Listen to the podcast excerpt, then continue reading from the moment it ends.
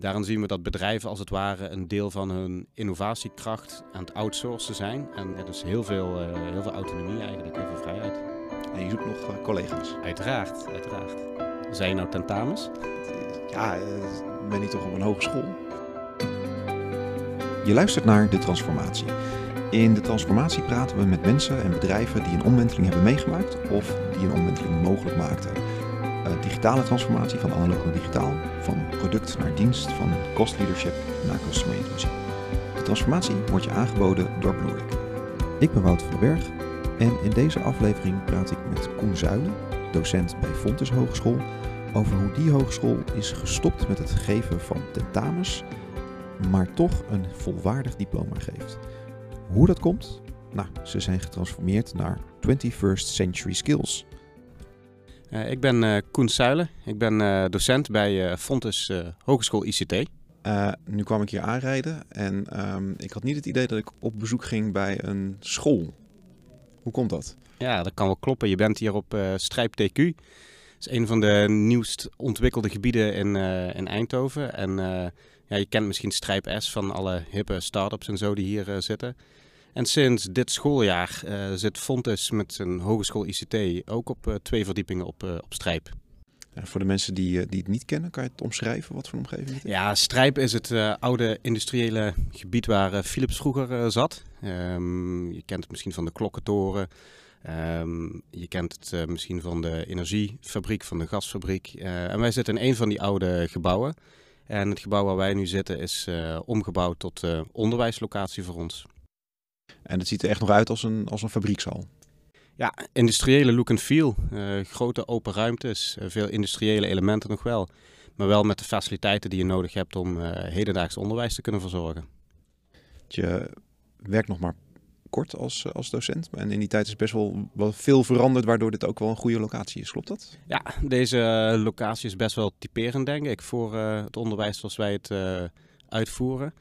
Ja, je zegt uh, kort. Ja, wat is kort? Hè? Uh, ik ben inmiddels aan mijn vierde schooljaar bezig.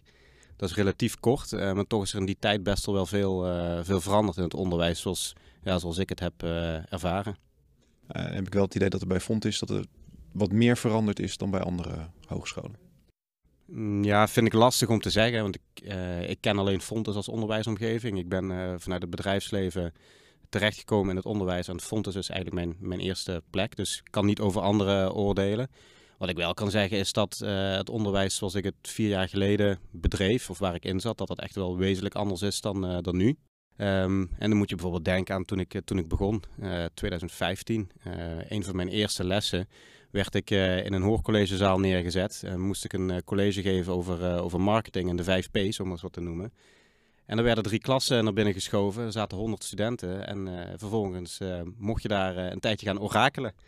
Mocht je de waarheid gaan vertellen, hè, zoals dat dan zo, mooi, zo mooi heet. En ja, dat doe ik eigenlijk tegenwoordig echt niet meer.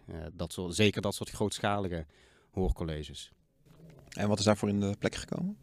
Nou, als je ook kijkt hoe het hier op Strijp TQ zit. Hè, je zag het denk ik al toen je hier binnenkwam.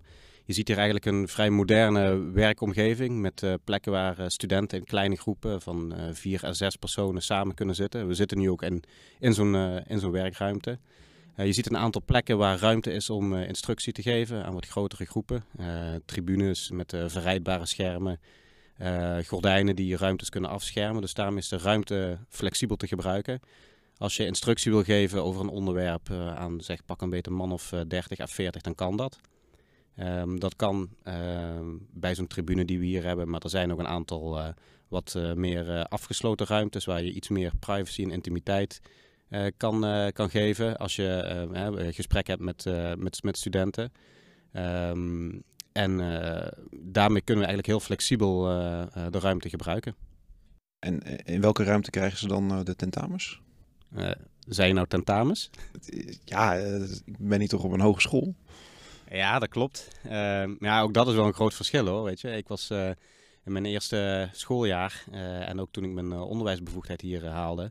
Een van de dingen die dan aan bod komt is van, ja, hoe, hoe, stel je nou een goede toets op? Hè? En een multiple choice toets en dat, die, dat je met, met afleiders werkt en dat, die, dat die gevalideerd is en een toetsmatrijs waar die allemaal moeten voldoen. Allemaal dat soort, dat soort moeilijke dingen.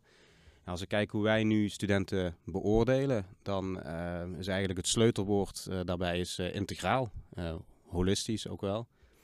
En dat betekent dat je niet alleen maar kijkt wat een student op één moment op één onderwerp presteert, maar dat dan een student gedurende heel een blok of heel een semester in ons geval eigenlijk continue ontwikkeling moet laten zien en daarover in gesprek blijft en moet gaan met zijn docenten.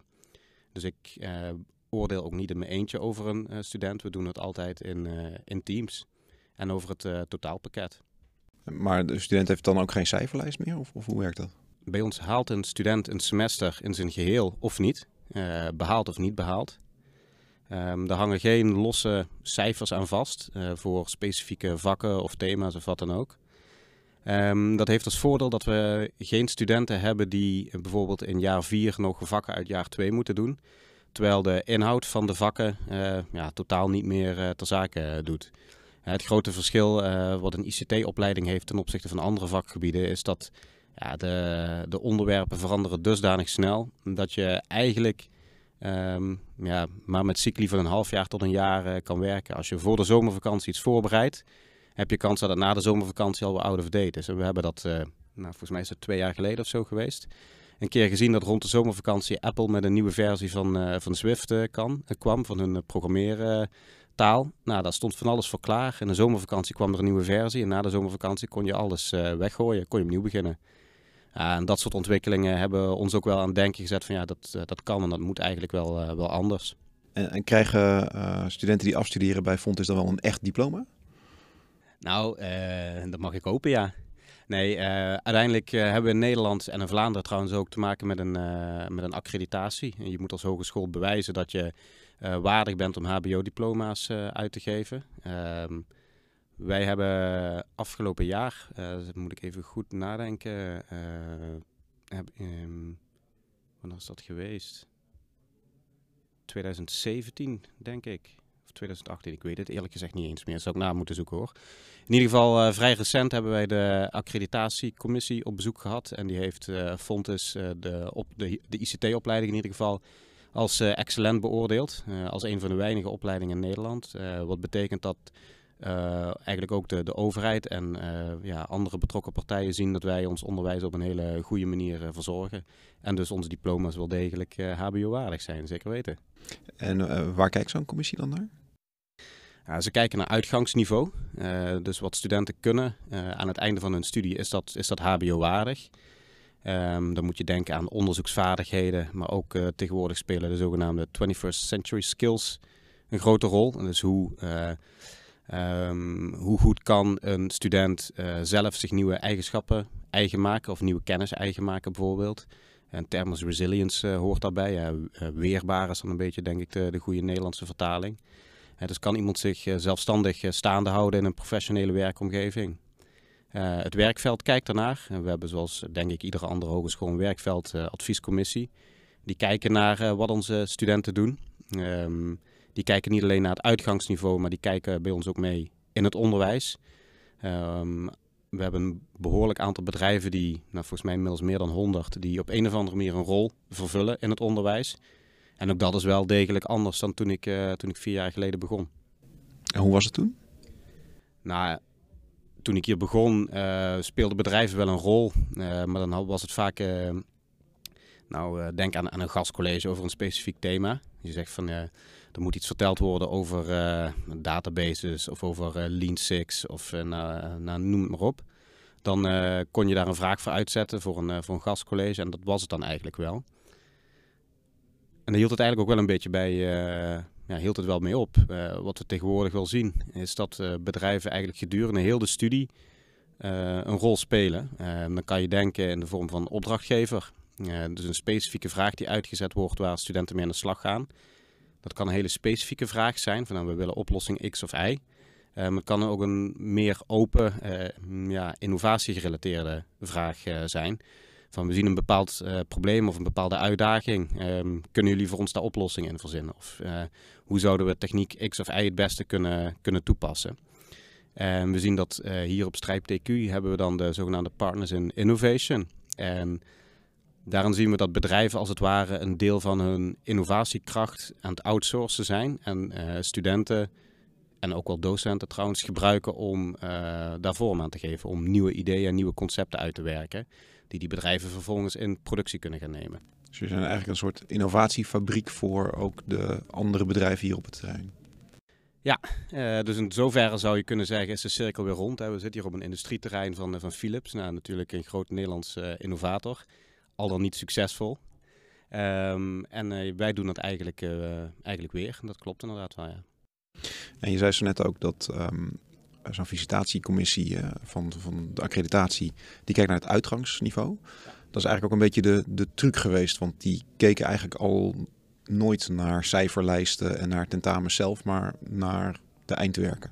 Ja, ja. Uh, uitgangsniveau is, is, is, natuurlijk heel belangrijk. Dan kijken ze naar afstudeerwerken en dat soort, dat soort zaken. Daarin zie je ook wel weer een verandering. want um, waar voorheen het heel gewoon was dat een afstudeerwerk een scriptie was, een geschreven boekwerk, zie je dat tegenwoordig afstudeerwerken ook in, in andere vormen opgeleverd kunnen worden, in portfolio vorm bijvoorbeeld waarbij eigenlijk meer het, het, product centraal staat wat ze gemaakt hebben. En, en, dat moeten ze kunnen verantwoorden. Daar moeten ze uitleg kunnen geven over het, eh, hoe het tot stand is gekomen. En dat dat op een fatsoenlijke manier gebeurd is, vanuit verschillende invalshoeken benaderd. Um, maar afhankelijk van ook de, de studie die de studenten doen, is de schriftelijke verslaglegging ja, meer of minder belangrijk. Kan je een voorbeeld geven van zo'n eindwerk? Uh, ja, zeker. Um, als ik denk aan uh, iets wat ik zelf recentelijk, waar ik bij betrokken ben geweest, eigenlijk als, als begeleider dan. Uh, dan moet ik bijvoorbeeld denken aan een project wat uh, een groep studenten heeft gedaan voor de gemeente Bernhezen. gemeente net onder de rook van Os. Um, gemeente Bernhezen is ook een partner in education van ons. Daar komen regelmatig projecten vandaan.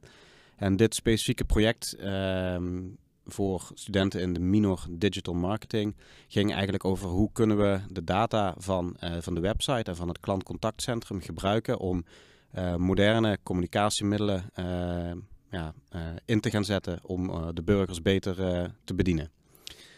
De studenten vonden het interessant om eens te gaan kijken van ja, um, hoe kunnen we bijvoorbeeld voice assistants gaan gebruiken als, als voorbeeld van, van moderne technologie. Zij hebben dan gekozen voor, voor Google Home. En ze zijn gaan kijken, ze zijn um, onderzoek gaan doen bij de gemeente van ja, welke data hebben jullie nu eigenlijk? uit de, de web analytics systemen konden ze gegevens halen waar mensen naar op zoek zijn bij de gemeente. Maar het bleek bijvoorbeeld dat het klantcontactcentrum eigenlijk heel slecht in beeld had um, waar mensen voor belden. En dat ze weinig statistieken hadden over van ja, wat zijn nou veel voorkomende problemen. Dus die studenten hebben een uh, prototype gemaakt waarmee ze in een week tijd gegevens verzamelden van het KCC, klantcontactcentrum. Um, hebben ze geprototyped met, de, met die medewerkers. Die hebben daar uh, vervolgens een, een toestemming toegegeven, hebben een week lang gegevens verzameld. En op basis daarvan zijn de studenten aan de slag gegaan om een, ja, een prototype van zo'n voice assistant te maken. en daarmee eigenlijk te bewijzen dat het ja, met relatief weinig tijd en een, een, ja, een goed onderzoek naar de brongegevens best wel mogelijk is om een goede toepassing hiervan te realiseren. digitale marketing zou niet het eerste zijn waar ik aan dacht bij een gemeente. Nee, dat dachten die studenten ook. Maar het leuke hier was eigenlijk dat, juist omdat het om een niet-commerciële instelling ging, dat ze behoorlijk veel vrijheid kregen. Er zat geen nou, niet direct een oogmerk achter van nou, het moet direct resultaat in de bedrijfsvoering gaan opleveren. Dus er was wat, ja, er was meer vrijheid eigenlijk voor de studenten. ik ben zelf ook betrokken bij gastcolleges die Bloerik geeft. In het gebruik van, van onze software, daar kunnen ze mee werken. En het valt me op als ik het ook vergelijk met andere hogescholen dat niet alleen zijn jullie studenten een stuk kritischer. Hè, zo van, nou ja, uh, leuk deze, de, deze software, maar uh, ja, wat is er nou zo bijzonder aan? Wat, wat heb je daaraan als bedrijf? Maar ook dat ze, als, als je ze een opdracht geeft, dan komen ze meteen op de proppen met persona's en customer journeys en eigenlijk alle gave dingen. Um, ja, dat klopt. we proberen, als we dit soort thema's behandelen, Um, ze in een wat breder perspectief eigenlijk te plaatsen. Het gaat niet zozeer om de beheersing van een, van een tool, als wel dat ze weten wat, wat de mogelijkheden zijn, eigenlijk wat de markt te bieden heeft, om het zo maar te zeggen. En waarom je bepaalde ehm, ja, tooling zou, zou inzetten. Maar aan een tool aan zich heb je niks als je niet weet waarom dat je hem inzet, wat je ja, als doel hebt. Dus uh, uh, zetten we dan in binnen het thema process management, business process management. Um, maar ja, processen inrichten, dan heb je ook te maken met, met gebruikers. Sterker nog, die staan eigenlijk centraal. en de tool is een middel om dat voor elkaar te krijgen. Dus als je niet weet wat die hoe, wat die klant beweegt en hoe een klant denkt en waar dat je hem eventueel kan, kan raken en waar je iets voor hem kan betekenen. En dan kun je wel heel goed weten hoe je, uh, hoe je een stuk code moet schrijven of hoe je formulieren moet maken. Maar dan schiet je uiteindelijk uh, nog je doel uh, voorbij, denk ik. En het zijn geen digital marketing studenten? Nee, dan hebben we het over studenten uit een, uit een andere richting. Ze kunnen bij ons allerlei verschillende richtingen doen. Dan heb je het over studenten ICT en business. Dat is eigenlijk meer de bedrijfskundige kant van de, van de ICT. Um, maar die vaardigheden, dat, dat kritisch denken en wat uh, breder denken dan alleen je, je eigen straatje, dat is wel iets wat typerend is voor onze studenten. Dat, uh, dat ben ik wel met je eens.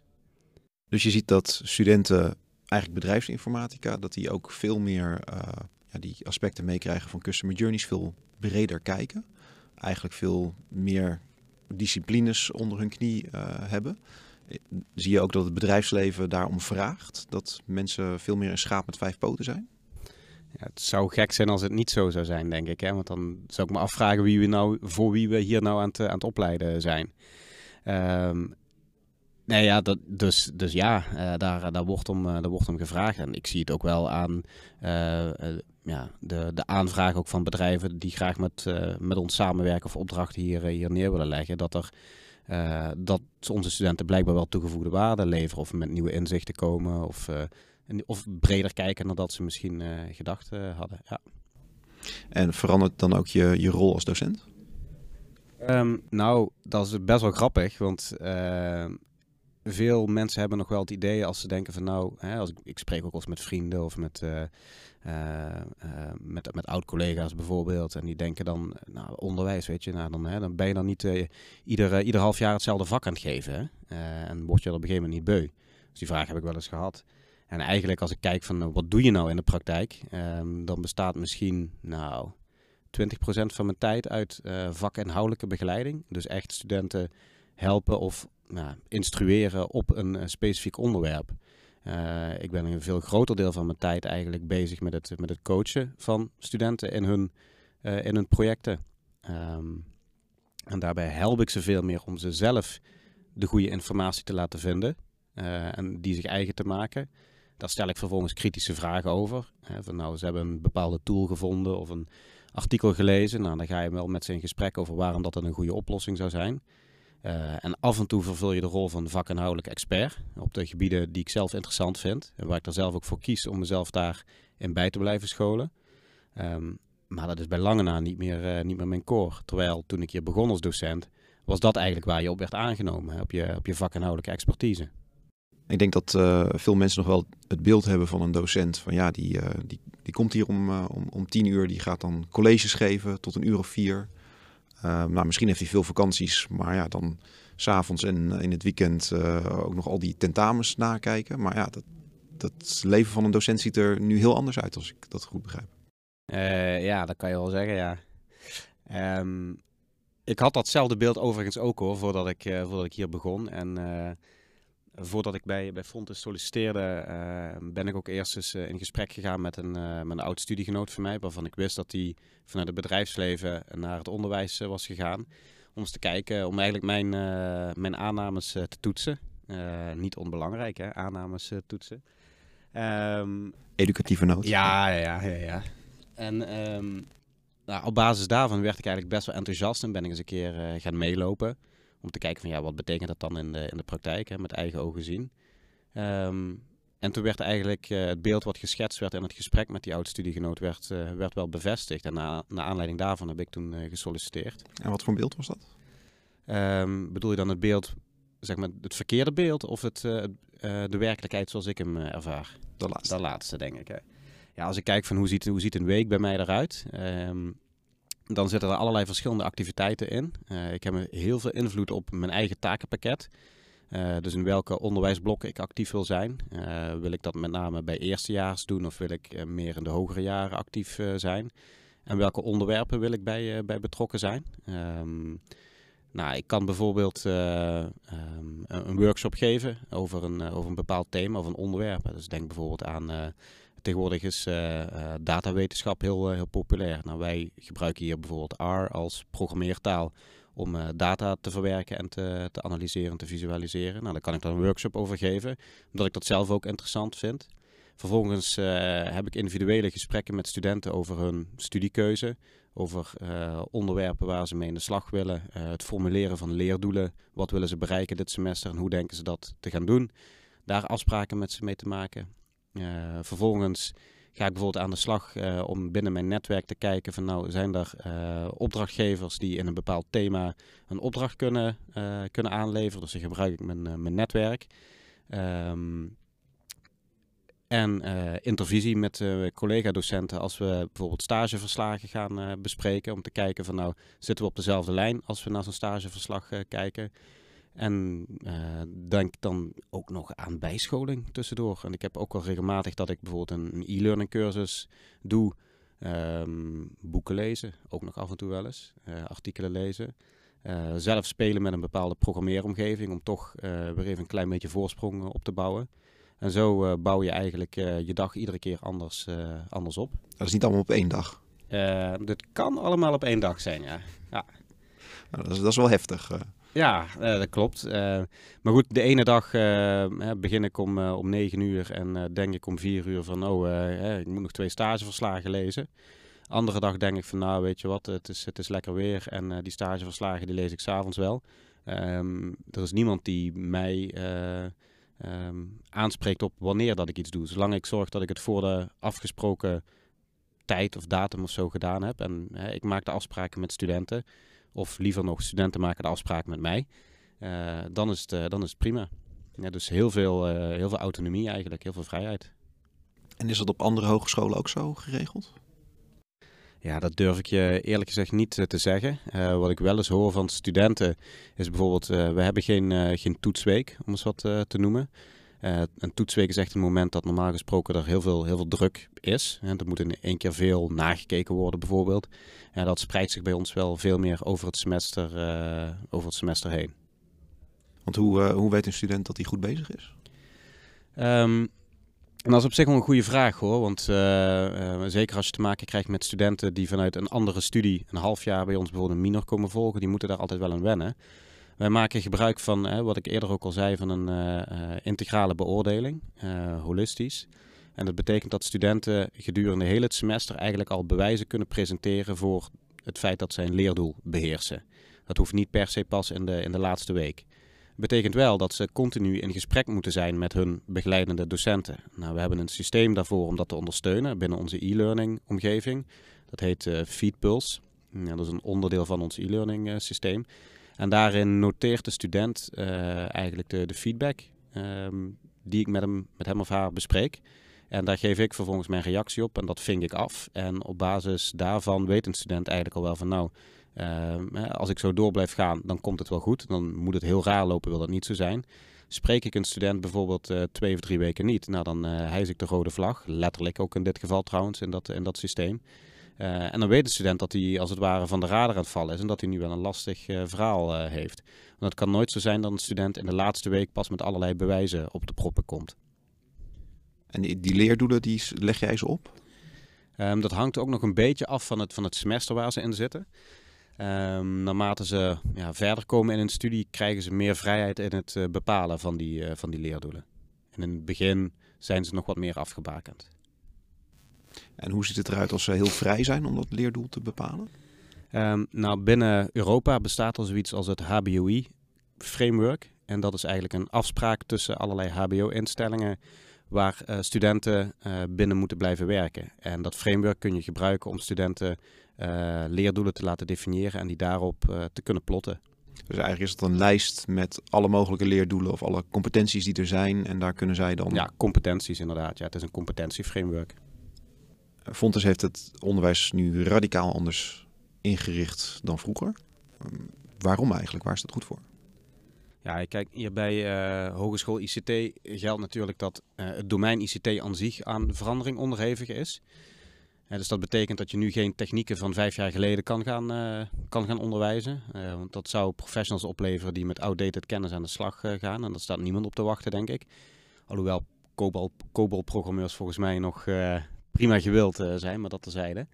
Um, maar ja, naar mijn mening is ook de, de onderwijsmarkt, eigenlijk als je het zo, uh, zo wil stellen, aan concurrentie onderhevig. Uh, denk aan de opkomst van enerzijds bijvoorbeeld allerlei e-learning omgevingen als Coursera en edX en lynda.com en dat soort dingen. Um, maar ook andere hogescholen, en ik ga natuurlijk geen namen noemen, die ook opleidingen in de markt zetten en het als een soort werkervaringsplek wegzetten. Ik denk dat je als HBO-instelling wel moet afvragen van wat ga je in de toekomst eh, doen. Um, word je een organisatie waar mensen kunnen leren of word je een organisatie die alleen maar gaat certificeren? Ik denk dat dat in de toekomst twee verschillende uh, ja, taken, verschillende opdrachten gaan, uh, gaan worden. En dat dat voor ons wel zaak is om daar ja, tijdig een, een weg in te kiezen. En hoe moet ik dat dan voor me zien als je geen les geeft, maar certificeert? Nou, ik kan me voorstellen dat als je zegt van nou weet je wat, in mijn uh, huidige baan heb ik dusdanig veel bewijs verzameld voor het feit dat ik heel goed in staat ben dat ik bijvoorbeeld software kan schrijven. En dat ik weet hoe, uh, hoe ik dat projectmatig en methodisch moet doen. En dat ik kritisch kan kijken naar de tooling die ik ga gebruiken. Um, daarmee kan ik binnen dat HBOI-framework bepaalde competenties aantonen. En als je er daar maar genoeg van kan aantonen, heb je recht op een HBO-diploma. Dus je vaardigheden kun je ook elders verwerven. En dat hoeft niet per se in een uh, schoolse omgeving te zijn. En in het huidige onderwijs maken jullie bijvoorbeeld ook al gebruik van uh, cursussen die al beschikbaar zijn of lesmateriaal op Coursera? Of... Ja, zeker. Ja. Uh, een van onze speerpunten is Open Educational Resources. en dat betekent eigenlijk gebruik maken en hergebruik maken van bestaand lesmateriaal. Ja, en waarom zou ik zelf een, een, cursus HTML gaan schrijven als er god weet hoeveel online cursussen zijn die dat waarschijnlijk veel beter doen? Uh, dus als ik nu zelf uh, achter mijn bureau zit en denk van, goh, ik zou wel terug naar de schoolbanken willen, dan kan ik misschien beter online kijken. Um, voor sommige dingen wel, qua inhoud. Um, wat naar mijn mening echt wel de meerwaarde hier is, is het eigenlijk het principe waar onze hogeschool op, op gestoeld is. Is het sociaal constructivisme, zoals dat dan zo mooi heet. Dus samen leer je meer dan, dan in je eentje.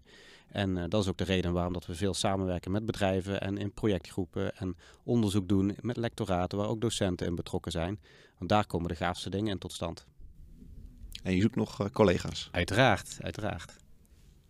Fontes is uh, behoorlijk veranderd. Heb jij een tip voor bedrijven, instellingen die ook te maken krijgen met die veranderende wereld? Um, ja, als ik vanuit eigen ervaring spreek, dan een van de dingen die ik hier het meeste waardeer zijn, is eigenlijk de mate van autonomie. Waarin je zelf kan bepalen uh, wat je gaat doen. Dus in welke onderwijsblokken bijvoorbeeld ga je uh, actief zijn. Uh, en waar, welke ja, inhoudelijke onderwerpen wil je in blijven verdiepen. En daar zelf keuzes in kunnen maken. In plaats van dat je van hoger hand gestuurd wordt daarin. Dus je hoeft geen uren te schrijven? Uh, godzijdank niet, nee. Dankjewel voor dit gesprek. Ja, graag gedaan. Dat was leuk. Bedankt voor het luisteren naar De Transformatie. De Transformatie wordt mede mogelijk gemaakt door Bloerik. Voor meer informatie over Bloerik en voor alle afleveringen van De Transformatie kijk je op detransformatie.info. Tot de volgende keer.